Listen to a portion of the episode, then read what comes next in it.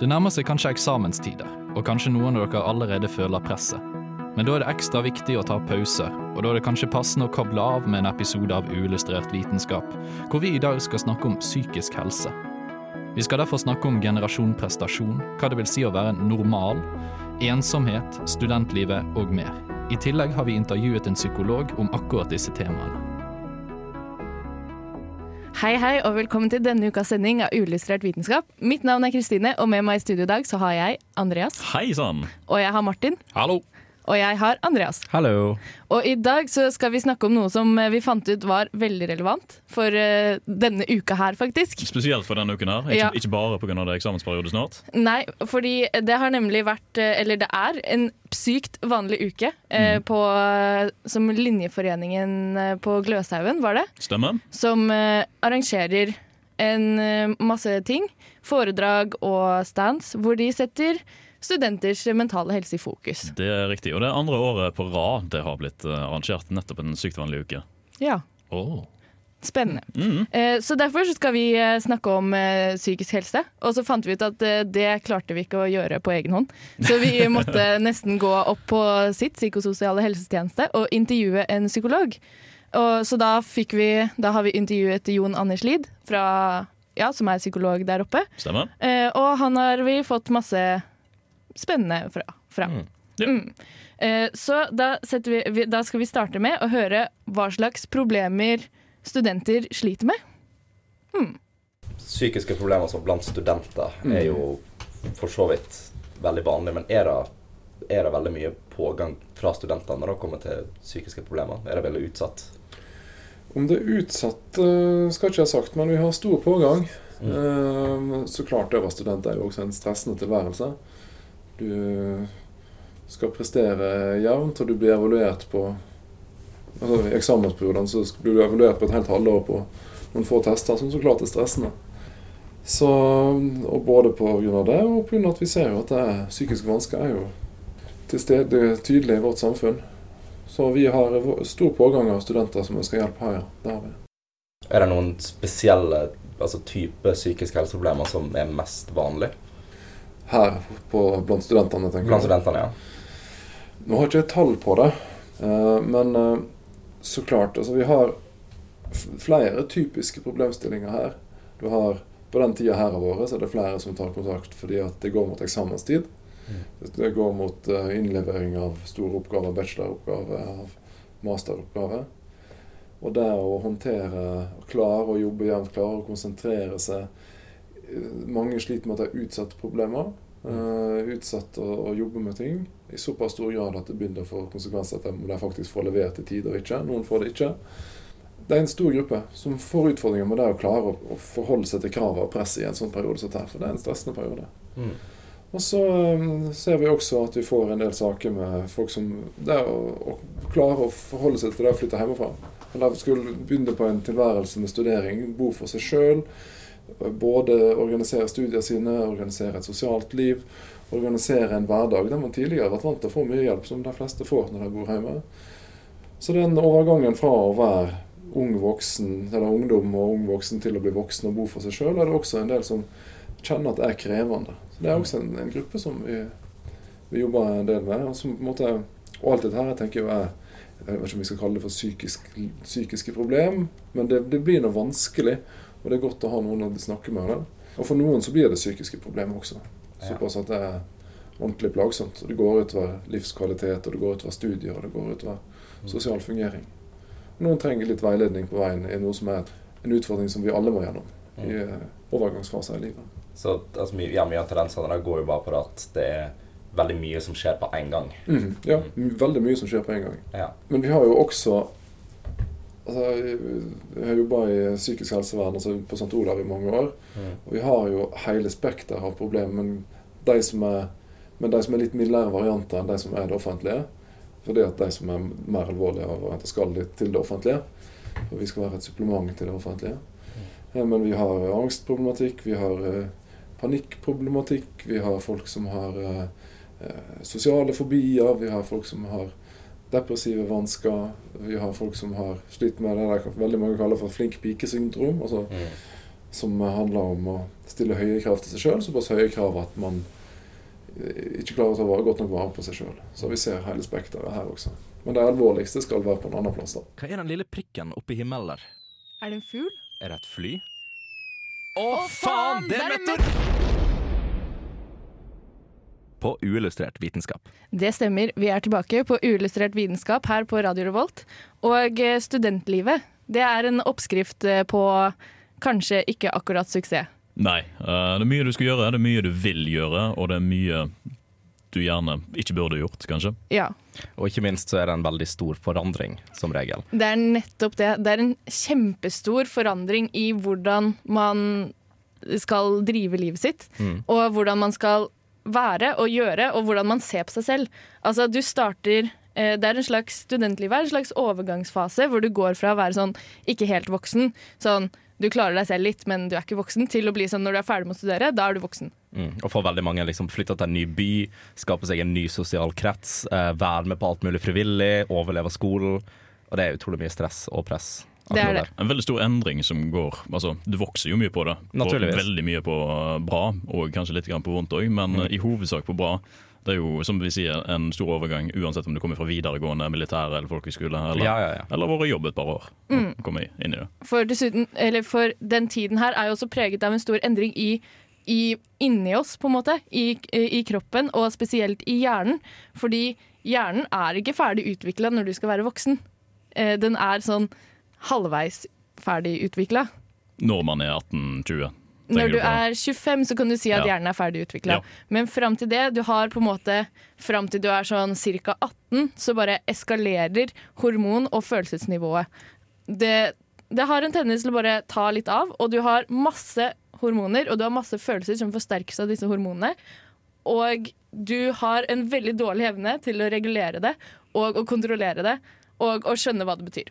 Og alt dette skal du sjonglere samtidig. Ja, eh, og så har du da fra du er sånn cirka, ja, litt før du er 18 da, til du blir 25, så får du en økende grad av evne til å tenke rasjonelt og, å tenke i lang, lang tid framover og planlegge livet ditt.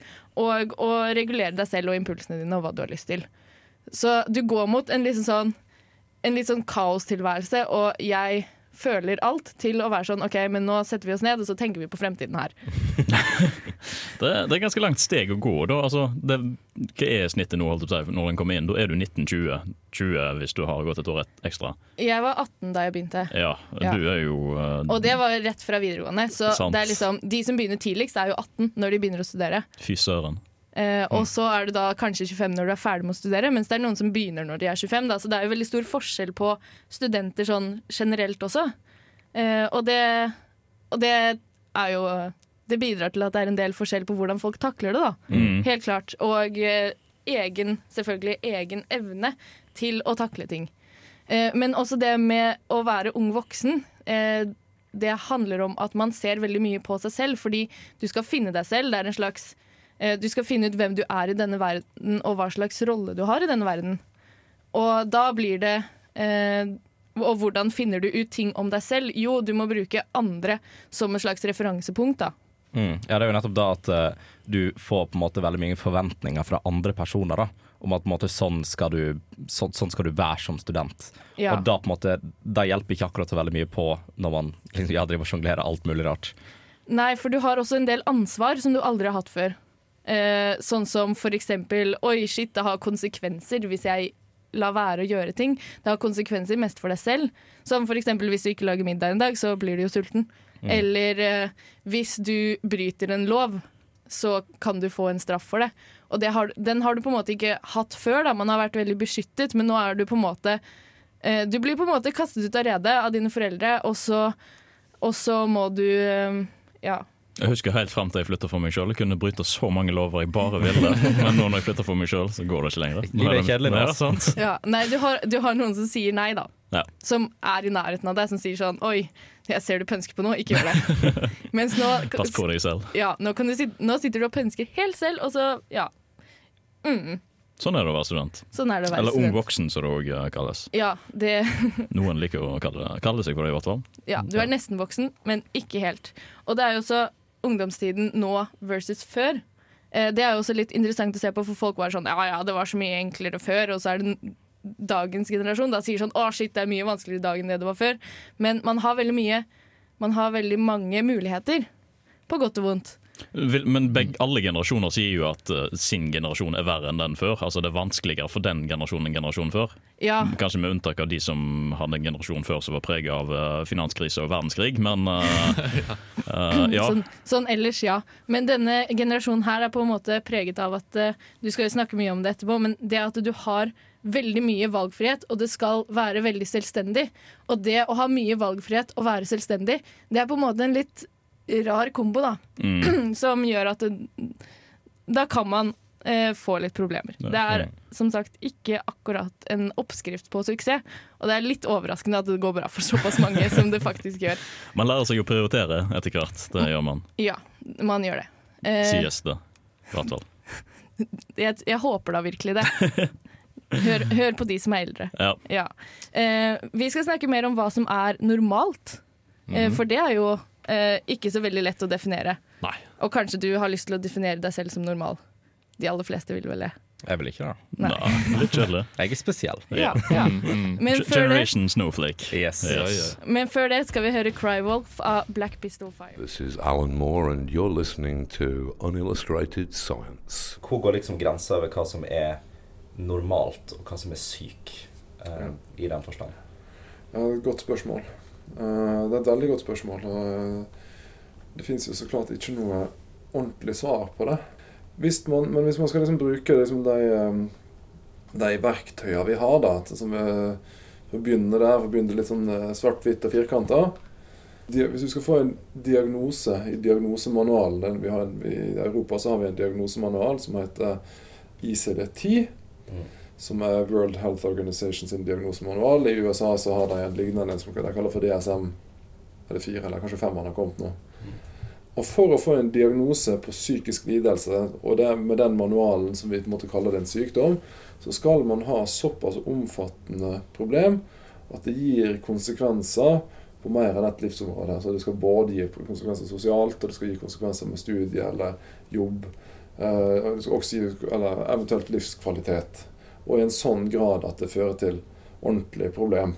Og det, så er jo det igjen, altså, Dere hører jo når jeg sier dette her at det er rom for fortolkning her.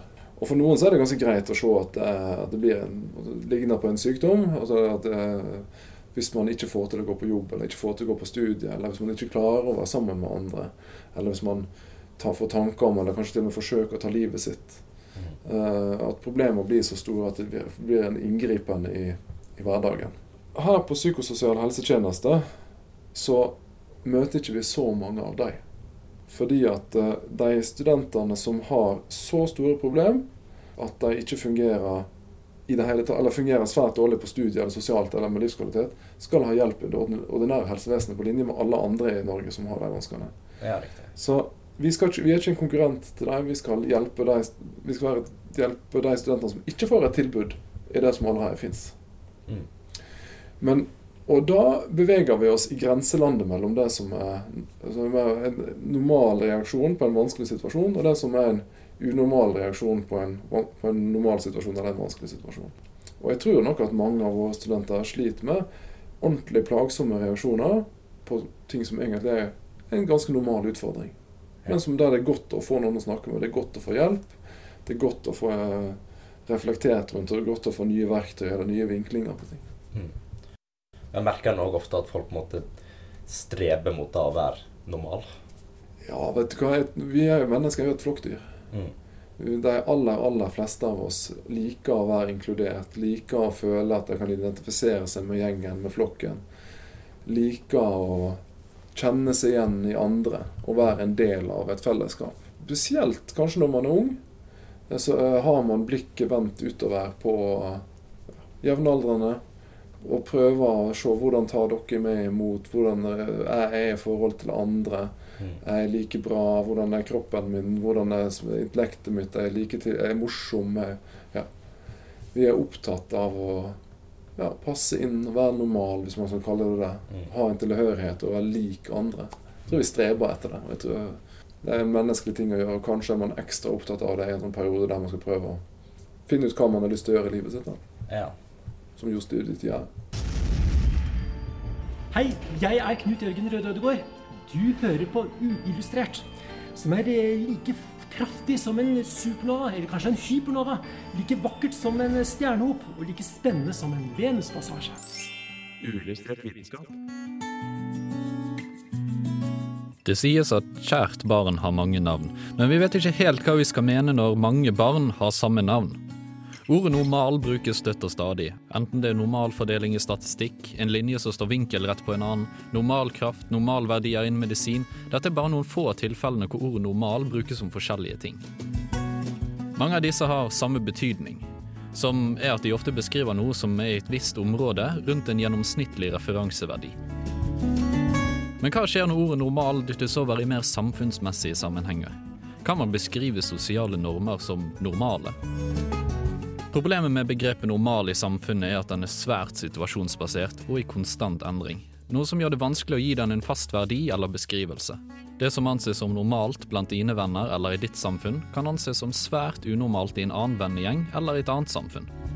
Det som var normalt for 30 år siden, kan anses som unormalt i dag, som f.eks. hockeysveisen. Samtidig finnes det sikkert grupper i dag hvor hockeysveisen er ansett som helt normal. Men hvorfor vil vi være normal? Det handler om en følelse av å passe inn i et visst miljø. I dagens samfunn snakker vi mye om forventninger, både hjemmefra og i samfunnet generelt.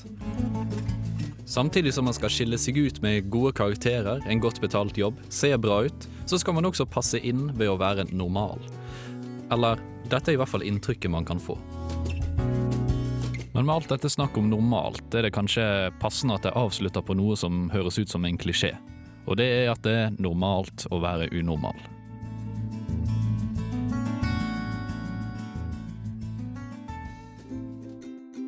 Vitenskap er kjempegøy, og derfor er også uillustrert vitenskap kjempegøy. Det er kalas, for å si det sånn. Her på Radio Revolt. Og uillustrert vitenskap er med det tilbake. Der, og her er vi alle kjempenormale. Ikke sant det, Martin? Ja. Og de neste seks minuttene skal vi bruke normalt så mye at eh, ingen skjønner hva normalt betyr etterpå. Et kalas av normalitet. Ja. Der har vi det. Ja, ja, ja. Nei, for det, det han snakket om, har jo vært eh, sett litt på tidligere. Jeg fant en artikkel, ett år gammel artikkel der du har en eh, NOVA-forsker som heter Lars Grue. Han har skrevet en bok som heter 'Normalitet'. Ja. Og Som du har brukt i um, sosiale aspekter, antar jeg. Ja, Ja. og, og utseendemessig. For denne artikkelen her handlet om det med utseende. Ja. For det, det han sa, var det at det er nå blitt I vår tid er det mindre toleranse for å være annerledes. Og Er det egentlig det?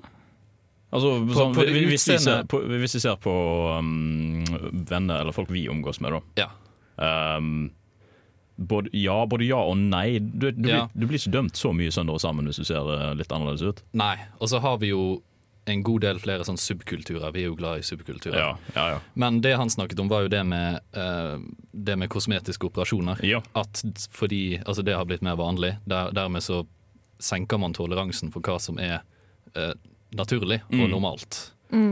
Men det kan, handler kanskje om hvordan man ser på seg selv i forhold til andre, enn hvordan andre ser på deg, kanskje. At det er Ja. større as, a, hva heter det? aksept uh, for eh, det å, å se annerledes ut enn, fra andre enn det det er fra deg selv. Ja, altså at uh, mer ser innover, rett og slett. ja. Ja. ja er for det han, han var litt redd for, var jo hvis denne holdningen skulle på en måte smitte over i andre aspekt av samfunnet. Som uh... Nei, for eksempel det å passe inn sosialt, for eksempel. mm, Eh, vi snakker jo ofte om det med karakterer, det å finne seg sitt miljø. Det der med kjøpepress, andre ting. sånt. Være rik og berømt, nesten. Du skal ha det fineste av uh, moteklær. Ja, ja, ja. Det, det har jo vært en stor sak i visse kretser. Ja. Ikke i den kretsen jeg kommer fra, men visstnok andre kretser. No. Men da kommer vi kanskje inn på det, det som kalles for eh, det som heter hva var det, pluralistisk ignoranse. Det var et fint ord, Martin. Det er et ganske nydelig ord som eh, kom opp mens jeg drev og søkte rundt på det her med normalbegrepet i sosiale kontekster. Og det var det med at eh, man, man tenker at en norm er akseptert, selv om man egentlig ikke aksepterer normen sjøl. Men man går ut ifra at alle andre gjør det, så man aksepterer den på bakgrunn av det. Men så viser det seg at folk egentlig ikke aksepterer den normen. Ta eksempel det med en drikkepress. Ja. Man føler jo på en måte at man eh, Det er kanskje litt rart å si at man ikke drikker. Føler at man skiller seg litt ut. Men samtidig så er det mange som gjør det. Det er mange som ikke drikker. Ja, det gjelder jo særlig en ung alder av eh, la oss si bygdeung til 18-20. Ja. Og eh, ja, ikke fullt så mye når du kommer litt eldre opp i det. Ja. Mindre og mindre. Ja, for det som er det at man aksepterer eh, Man går med på Altså man sier f.eks. at man drikker, mm. selv om man ikke gjør det, for å passe inn. Men så kan det hende at veldig mange i den gruppen er i nøyaktig samme situasjon. Det er bare det at ingen tør å si ifra. Så man får det som kalles pluralistisk ignoranse, med at man, man går med på noe som flertallet egentlig ikke går med på. Mm. Og dette er jo sånn typisk greie i dagens tid med fake news og alt det der. Ved at man eh, aksepterer ting. Man tror man lever litt i et vakuum, kan man si. Ja, så en liten kombinasjon òg av at kanskje en ikke gidder helt å ta opprøret med, med altså motsetningene sine. Nei, for Man Ja. er liksom redd for å bli utstøtt pga. Ja. av at man mener noe en tror at andre ikke mener. Ja. Ja. Men så i, egentlig så ville man kanskje blitt feiret for det, fordi endelig er det noen som tør å si ifra. Mm. Det er Endelig noen ja. Men man er jo på en måte- redd for å ta feil i den situasjonen òg. Eventuelt Ja. hvis man tror at man har forstått at andre er på de sida, og så tenker man liksom nå skal jeg rise up og, uh, og vise at jeg ja, har den meningen. Så det er ingen som Og så er det ingen som har den Nei. egentlig. Nei. Og alt det handler jo egentlig om å bare prøve å passe inn. Og det er jo spesielt noe man bryr seg mye om i ungdomstider. Mm. Absolutt. Mm. Mm, Det er jo litt sånn som det jeg sa i stad også, med at eh, man definerer seg selv ut ifra den gruppen man er en del av. Ja. Og at du da eh, skal prøve å passe inn i en gruppe for å være i denne gruppen, da. Fordi at det er så sykt viktig for oss eh, å ha en eh, gruppetilhørighet av noe slag. Eh, for å ja, for å føle oss vel, da, og for å ikke bli ensomme, som vi skal snakke litt om etterpå. At, det, at vi skal være et sosialt vesen, da, sånn som vi mennesker er. For fra evolusjon, evolusjonen sin side så må vi jo så må vi jo samarbeide. Hvis mm. ikke så hadde neandertalerne vunnet over oss. Vi må og slett. finne flokken, rett og slett. Ja. Det er eh, biologisk eh, helt eh, sånn det er. Mm. Veldig, veldig presist eh, beskrevet, må jeg si. Ja. Vi har jo prata litt om det med, med akkurat det med den kognitive revolusjonen, da, som vi nevnte så vidt her, med at eh, hvis ikke vi hadde kunnet samarbeid, så har jo eh, hadde neandertalerne vunnet. Og det kan jo eh, vi plugge tilbake til en serie som er litt grann for, for noen uker siden om, angående akkurat jordas historie. Så sjekk ut de episodene der. Eh, hvis du har lyst til å høre mer. Shameless promotion. Det klart man må promote seg selv på sitt eget program. Jeg synes Ja. det- jeg synes det er riktig. Ja. Ja. Nei, vi skal gå litt uh, mer over til å snakke om det med hva skjer når vi faktisk uh, utvikler psykiske lidelser, og hvordan det skjer, og hva i miljøet vårt som får det til å skje. Men først skal vi, skal vi høre hva Jon Anders Lid hadde om å si om om det går an å bli frisk, om det går an å bli kvitt det når man først har fått det. Er det noen måter å på en måte bli kvitt sånne problemer, eller er det noe som på en måte sitter igjen for resten av livet, at man er mer utsatt dersom man på en måte har vært gjennom psykiske problemer? Ja, det er et, et komplekst spørsmål. Uh, hvis jeg skal ta den enkle varianten først, da. Jeg tror det går an å bli kvitt en rekke psykiske vansker. Jeg har trua på at vi er i stand til å endre oss og gjøre en innsats for å endre mestringsstrategiene våre som ikke funker. Og så er det så klart Dess mer komplisert problem man har, dess mer sammensatt problemet er, dess mer komplisert er det å gjøre noe med det. Men eh, vi har masse forskning fra, på psykoterapi og på samtalebehandling at det er en effektiv behandlingsmetode. Vi vet at samtalebehandling hjelper mange. Og Da blir det så klart en, eh, en diskusjon om hva som betyr frisk, og hva som blir, kvitt. kvitt. Eh, gode, gamle Freud, jeg tror det var han som sa det. at eh, Hvis det er noen som hører på det her, noen som vet akkurat det riktige sitatet, så får dere tilgi meg. Men det var noe sånn som at jobben hans var å få folk ut av en håpløs desperasjon og være mer kjenne på den vanlige lidelsen i livet. Et eller annet sånt. Ja, riktig. Så eh, livet er jo, det er jo ganske komplisert da, å leve. Vi møter motgang, og vi møter vansker, vi møter eh, situasjoner som trygger all slags følelser i oss. Så jobben i en terapi er jo å klare å møte sånne utfordringer uten å bli overvelda og klare å håndtere det på en måte som man kan eh, leve med videre. Og det har vi masse forskning på at det gjør samtaleterapi. måten man ser på psykisk sykdom har endret seg ganske mye da, over tiden. Mm. Men jeg lurer på hva man bruker nå eh, som modell for grunnen da, til at man får psykisk sykdom. Eh, jeg tror at det, altså det, det, det rådende paradigmet innenfor psykologien nå for å forstå psykiske vansker, er at det er arv. Altså Vi er født med en genetisk sårbarhet, og vi er med ulike genetiske faktorer som i temperament i forhold til sårbarhet for ulike mestringsstrategier. Altså Vi har en nedarva komponent. Og så det i kombinasjon med miljøet. Altså gode, gamle arv og miljø. Den biopsykososiale modellen.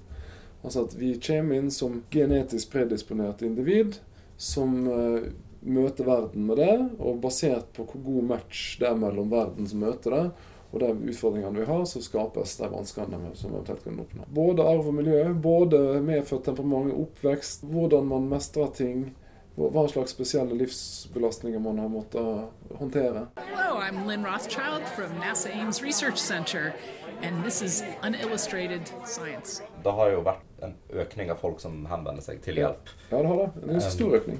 Vil du si at det er pga. at folk er mer utsatt nå, eller fordi det bare har blitt mindre tabu um, å snakke om?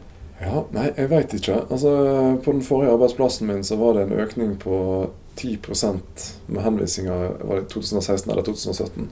Mm. Og vi lurte jo forferdelig på hva det er som gjør at det plutselig kommer et sånt hopp. Mm. Og vi har jo ikke noe klare svar.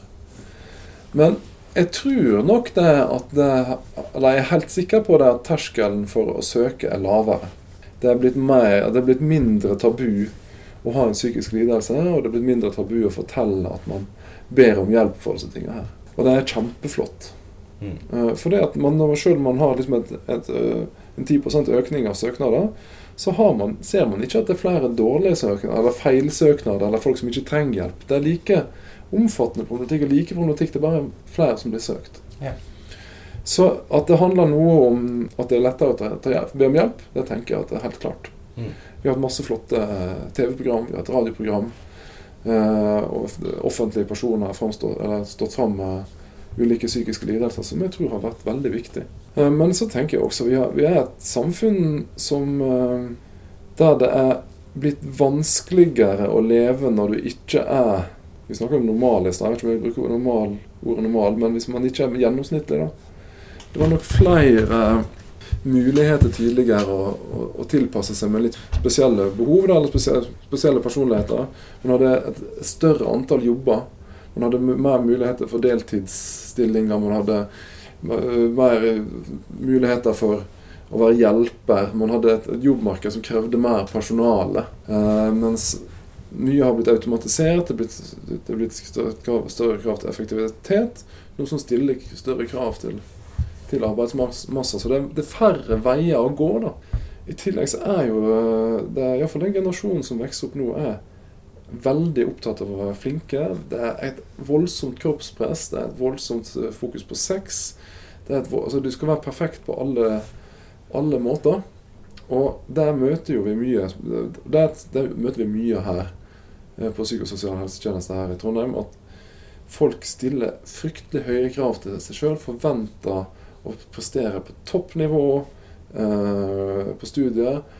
Være sosial og liksom nesten sånn altså, litt flåsete, men være en del av en, eh, en TV-serie der alle er glad hele tida. Mm. Eh, man skal være veldig godt trent. Man skal ha en kjæreste som er like godt trent og som ser veldig bra ut, som skal være like smart. Altså, det er noen eh, Det er lite eh, rom for slinger i valsen, som jeg tror nok at mange strever fælt med å forholde seg til.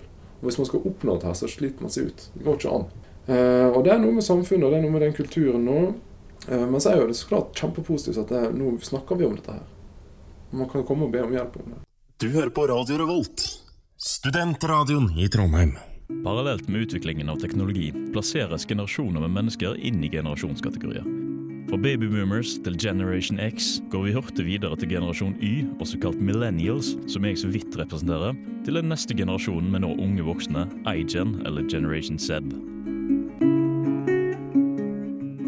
Du lurer nok kanskje på hvorfor slike generasjonsskiller har oppstått, og hva er det som gjør at man faller inn under en slik merkelapp?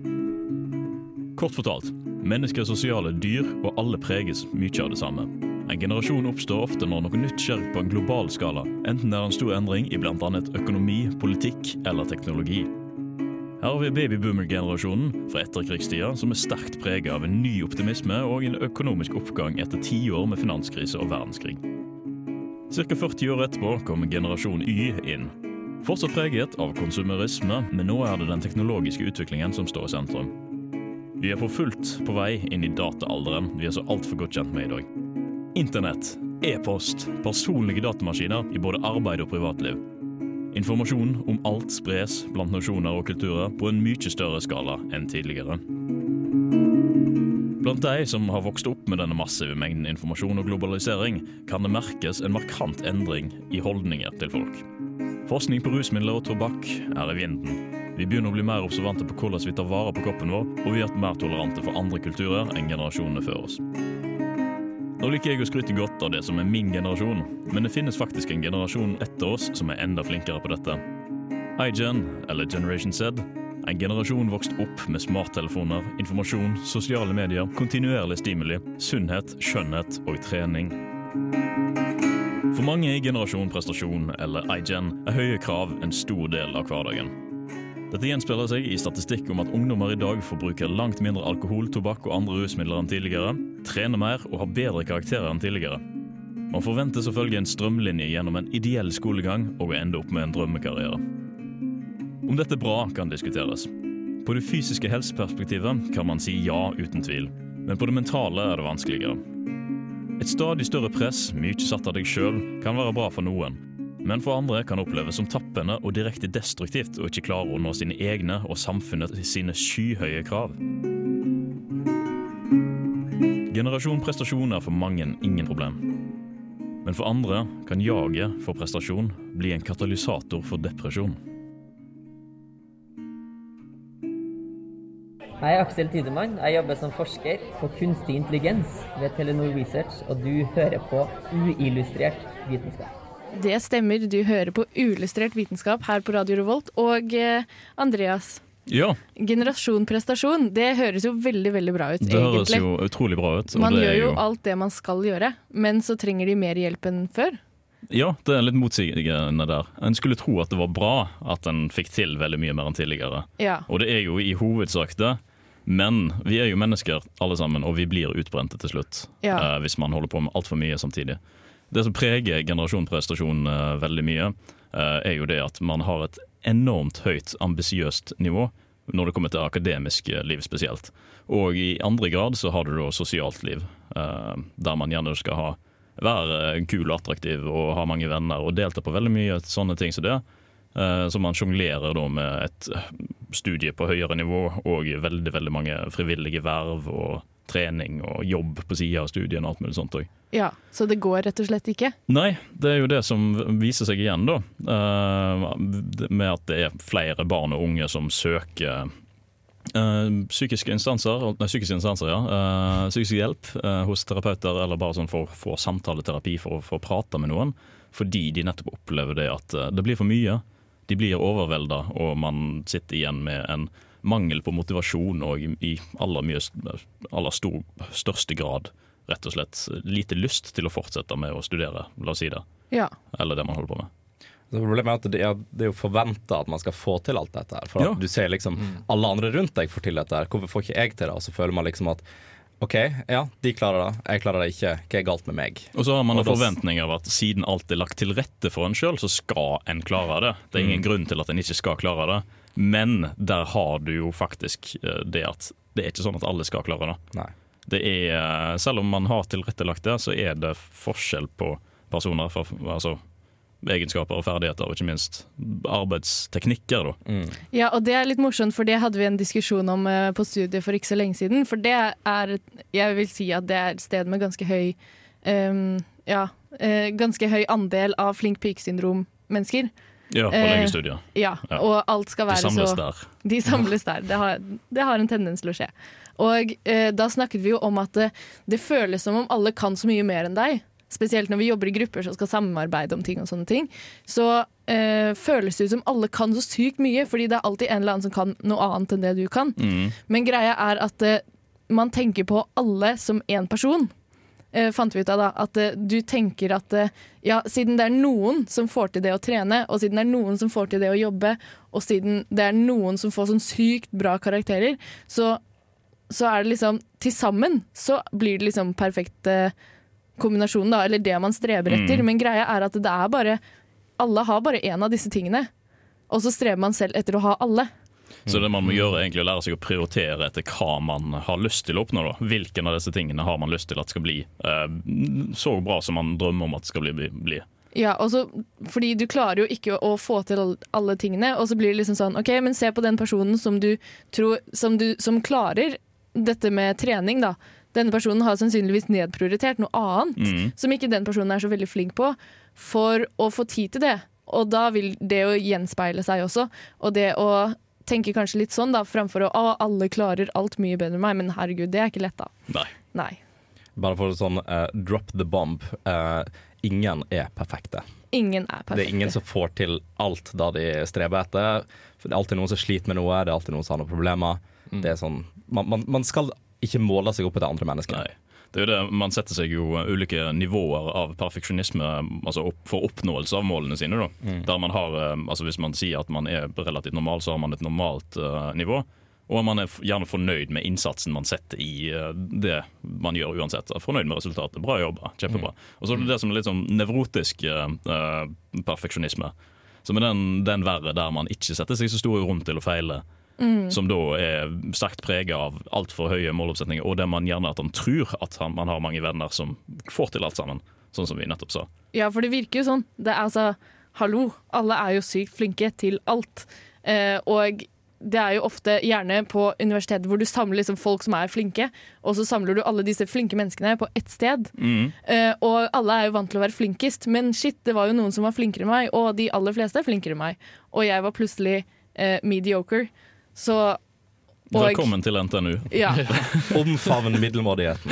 Ja. Vel, velkommen til oss. Og det er jo en liten Det må jo være en liten omstilling, da. Det å Man føler seg kanskje litt kjipere enn det man vanligvis ville gjort, da. Mm. Eller dårligere mestringsfølelse. Og mestringsfølelse har jo mye å si for hvordan vi føler oss, sånn generelt. Absolutt.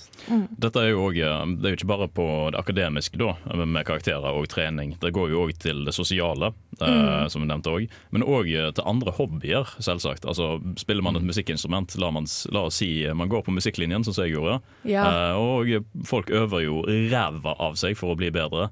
Eh, fordi det er det eneste de gjør på. Du er enten på skolen eller så sitter du på øvingsrommet og nerder. Mm. Uh, og så blir man jo bedre da. Og så merker du spesielt, spesielt godt på konserter som du har, at eh, andre personer har blitt bedre. Uh, ekstremt mye bedre. Og da, sitter du igjen med den samme følelsen av at oi, shit. På en måte investerer mye mer og mer for å bli bedre eller best sjøl. Ja. Men, men det er jo sånn man opplever i alle situasjoner. Altså, det, det gjelder jo for absolutt alt, egentlig. Det gjør det. Det er ikke så lett å være perfekt. Nei. Kanskje vi bare skal droppe det. Kanskje Jeg tror vi bare det. gir oss med den perfekte greia. Ja. Ja. Men det er jo det tren på å være prioritere. Altså gjør prioriteringer. Velg det som er viktig for en sjøl. Og um, eksamensperiode, da er det stort sett skole som er viktig. Ja. Stort Og, sett. og det tar litt tid, og det er vanskelig. Men, Så ikke, men ikke press deg sjøl for hardt. For hardt. Du, du klarer dette. det kommer til å gå bra. Det kommer til å gå bra. Ja. Eh, og med det skal vi gå enda litt videre. Vi skal snakke om det med sosiale ting, og også samliv og kjærlighet. Men før det så skal vi høre Nokia 105 av Tøffel. I'm James Randy, and you're listening to Unillustrated Science. Psykiske helseproblemer er noe som kan oppstå uavhengig av hvilken situasjon man befinner seg i. Man tenker ofte at nærhet og samliv med en annen person kan være løsningen, men det stemmer ikke alltid. I dagens samfunn setter folk veldig høye krav til seg sjøl, og ikke minst like høye krav til sin partner. Man føler at man har forventninger fra andre om hvordan et forhold skal være, og at alt skal være perfekt. Man skal være lykkelig hele tida, man skal se bra ut, sexen skal være fantastisk, og alle aspekter ved forholdet skal være helt perfekt hele tida. Når disse kravene man setter seg sjøl, ikke blir oppfylt, så kan det føre til psykiske helseproblemer over tid. Er det verdt det? Og uillustrert vitenskap sier nei. Det er ikke verdt det. Det er ikke verdt det. Hva er ikke verdt det, Riple?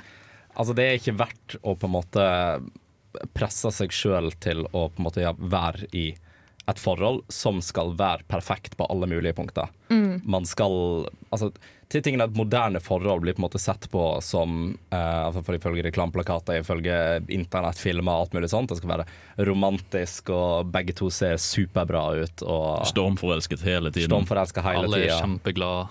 Og ingenting er galt. Nei, nei, nei. selvsagt ikke. Kanskje Men det. eh, for å droppe ei bombe til det er usant.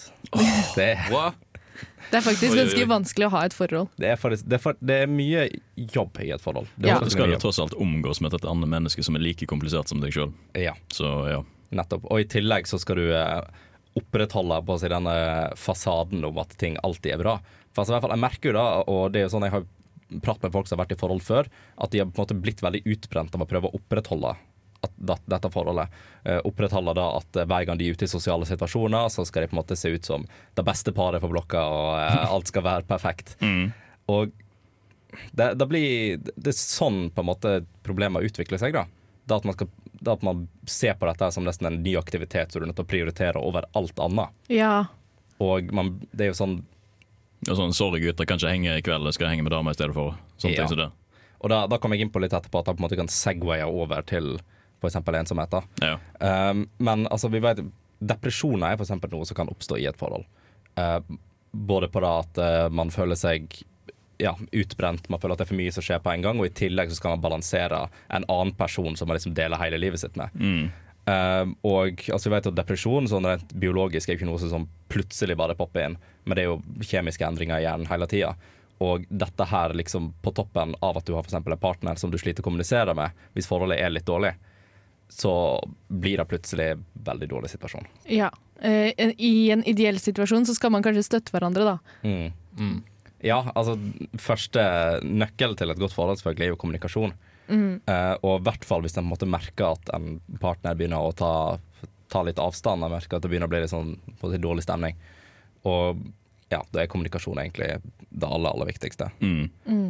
Um, og eh, skal vi se Da liksom ignorere et problem som oppstår i et forhold, det er på en måte noe av det verste du kan gjøre.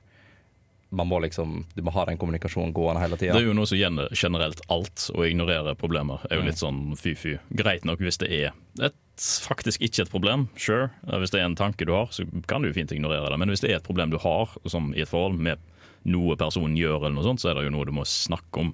For det, kommer jo ikke til å bli bedre hvis man ikke Nei, gjør det. nei. Sant, det er helt sant. Og så blir det kanskje det hvis, hvis, du har, eh, hvis du har et forhold da med en person, og så har du liksom noen venner på siden, og så sliter du litt grann i forholdet, så føler du kanskje ikke at det går an å snakke med vennene om det, fordi at vennene tror at du har et perfekt forhold. Mm. Eh, og så blir det liksom eh, at man sitter og ikke kan snakke med noen om det, da, fordi at man skal opprettholde en sånn fasade. Man sitter jo egentlig mer eller mindre og lyver til vennene sine. Ja. Og det skaper jo ikke akkurat et godt forhold med de heller. Nei. Eh, og noe annet som, på en måte, som oppstår i et forhold, er jo f.eks. mye altså mye rundt sex og den type ting. Eh, sex handler jo, kan jo i bunn og grunn handle om at man har partner for eksempel, har forventninger til det. Hvis Ja. man går inn i et nytt forhold, så forventer du kanskje du tror at partneren forventer at, uh, at du er en gud under uh, dyna, holdt jeg på å si. Um, og man er på en måte redd for å på en måte skuffe disse kravene uh, som på en måte partneren du tror partneren har satt. Ja, og Litt sånn generasjon prestasjon eh, føres eh, også til soverommet. Ja, ja, ja. Absolutt. Um, og det er jo da at ja, man tror kanskje at man ikke fremstår som attraktiv nok og sånne ting. Og man, da kommer man helt inn på det med kroppspress og sånne ting. Mm. Og det er jo et, på å si, et problem i seg sjøl. og så litt av vi snakka om i stad òg, ensomhet. Mm. Det er jo veldig på en måte lett at det kan oppstå innad i et forhold. Og da er det jo ikke bare at du er ensom alene i et forhold, men dere to kan måte bli ensomme sammen. Forhold kan Det har jeg sett skjedd. Eh, Det har sikkert skjedd meg på et tidspunkt. Men Ja. at man bare har isolert seg fra vennegjengen for at nå skal man Ja, nå skal man henge med damer. Og så blir det bare at man rett og slett misser ut på all annen form for kommunikasjon. Mm. Og da havner man jo utafor den vanlige sirkelen man er i. Og så hvis det blir da slutt med dama, da, så blir det sånn Oi, shit, hva skal jeg gjøre nå? Så Nå har jeg ingen å snakke med. Nå er jeg helt ensom. igjen, ja. Mm. Dobbel ensomhet. Dobbel Med to negative, det blir positivt, det? Blir det ikke? For da kan man stå på egne bein igjen og komme seg ut. Hei! Kanskje ikke i den sosiale verden. Nei, jo. Nei, bare i matematikken. Men det er, liksom, det er liksom litt sånn som hele temaet for i dag er liksom hva skal jeg si Det er ikke helt sånn som det pleier å være. Altså, det er ikke så mye fakta, det er ikke så mye fysiske prinsipper, men det er liksom hvordan vi føler oss. Og det er jo egentlig Det er en slags vitenskap i det hele, det òg, men det er ikke så veldig mye eh, konkret. Det, de lærde strides på det området, for å si sånn. Ja, det skal ikke være enkelt. Nei. Det skal ikke være Men det finnes mye maler likevel, som er, eller tendenser som man kan se på Ja. og ta tak i. Og gjøre noe med selv. Det er jo det viktigste med hele greia her, er at du har- en selvrealisering og kunne gjøre ting eh, på egen hånd. Mm. Uten at eh, noen andre, eller det forventes at noen andre skal gjøre det for deg. Ja. Eh, vi begynner faktisk å nærme oss slutten på dagens sending. Men før vi gjør det, så skal vi høre hva Jon Anders Lid hadde å si om både det med ensomhet og, og om hva som er risikofaktor for å utvikle eh, psykiske vansker. Hva er liksom risikofaktorene for å bli psykisk syk? Ja, altså eh, der, der burde jeg jo ha helt, helt klart for meg. Men Det er mange risikofaktorer. Men én stor sånn statistisk risiko for psykisk sykdom, og faktisk også for en del alvorlig syk, fysisk sykdom, som hjerte-karlidelser og, og den type ting, er ensomhet. Å være utafor et sosialt miljø og ikke ha noen å dele ting med, og ikke være i kontakt med andre, er altså, følelsesmessig og sosial isolasjon. Det er, eh, tror jeg, vil jeg anta er den viktigste årsaken til psykiske lidelser. Eh, vi vet, altså, så, vi er født sosialt interessert og orienterer oss sosialt helt fra fødselen. Og er dønn avhengig av eh, våre nærmeste for å, for å klare oss, for å overleve. Og sånn er vi nok biologisk prima. At vi knytter oss til andre, forsøker å etablere oss i forhold til andre er avhengig av, andre for å fungere. Og jeg så noen tall på det. Det kan dere dobbeltsjekke, faktasjekke, for det fins på nettet. så vi går inn på det, At ensomhet, sosial isolasjon, har høyere risikofaktor for hjerte-karlidelse enn å ikke trene. Så det er alvorlig. altså Det er virk, virkelig en samfunnsutfordring. Opplever man ofte at folk er på en måte redd for å bli ensom? Ja. Jeg tror det. Altså, det er jo en sånn grunnleggende Jeg tror at redselen for å dø og redselen for å være ensom og uh, alt dette her, det er litt sånn, det er litt sånn eksistensialisme. da. Ja. Innerst inne så er vi alle redd for det. Så klart det er noen som, som gjør som, som går til en del skritt for å ikke bli ensom. Det kan, det kan være det å, å gjøre ting seksuelt man ikke ønsker. Det kan være det å ikke ta, hevde seg og ta konflikter som man egentlig har behov for for å stå opp for seg sjøl, for ikke å bli ensom. For ikke å bli avvist. altså Hele metoo-kampanjen handler jo om folk som ikke har Altså Hvis man skulle konfrontere en del av de situasjonene som ble tatt opp, så ville jo det ført til utestengelse. Det har jeg ment på alle gode måter. Altså, det, begynte jo i Hollywood.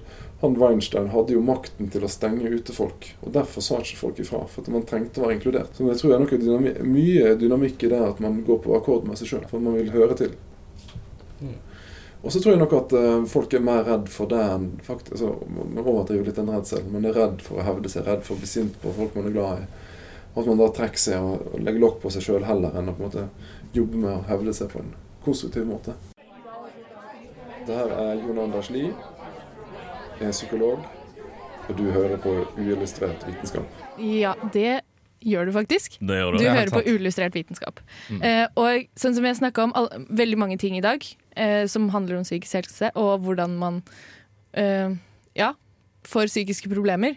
Og felles ved alle disse tingene er at man kan liksom ikke gjøre så mye med det. Du kan ikke bare gå ut og si at nå skal jeg eh, gjøre noe med dette. Nå skal jeg ikke være ensom, liksom. Det er Det er en lang prosess som man må jobbe med sjøl. Og det Ja. man må endre faktisk på no, tankemønsteret. Det er det aller viktigste man må endre på. Mm. Uh, men det krever mange uker, om ikke måneder, med innsats, iherdig innsats for å klare å oppnå det. Ja, og livet er flaks, og livet er uflaks. Og hvis du trenger hjelp, så må du snakke med en voksen. Ja, en voksen. Rett og slett. En voksen, Gjerne med utdanning. Det det fins voksne der ute. Det gjør det. Ja. Eh, og eh, ja. Ja. og det var dessverre slutten på dagens sending. Vi, du finner eh, mer av våre sendinger på radiorevolt.no, mm. og på Spotify, og på podkast og iTunes og alle slags mulige steder. Hvis du har et spørsmål, send oss eh, en eh, melding på Facebook. Vi elsker spørsmål. Oh, ja. Og gi oss en like. Gi oss en like. Vi- Ja. Kanskje det eneste vi liker mer enn spørsmål, er likes. Vi liker begge deler. Ja, det, er likt, det ligger Ja. likt. Ja. Det gjør. Ja. Eh, mitt navn har vært Kristine, og med meg i studio i dag så har jeg hatt Andreas, Ha det bra. Uh, Martin Ha det bra. og Andreas. Ha det bra. Ha det bra.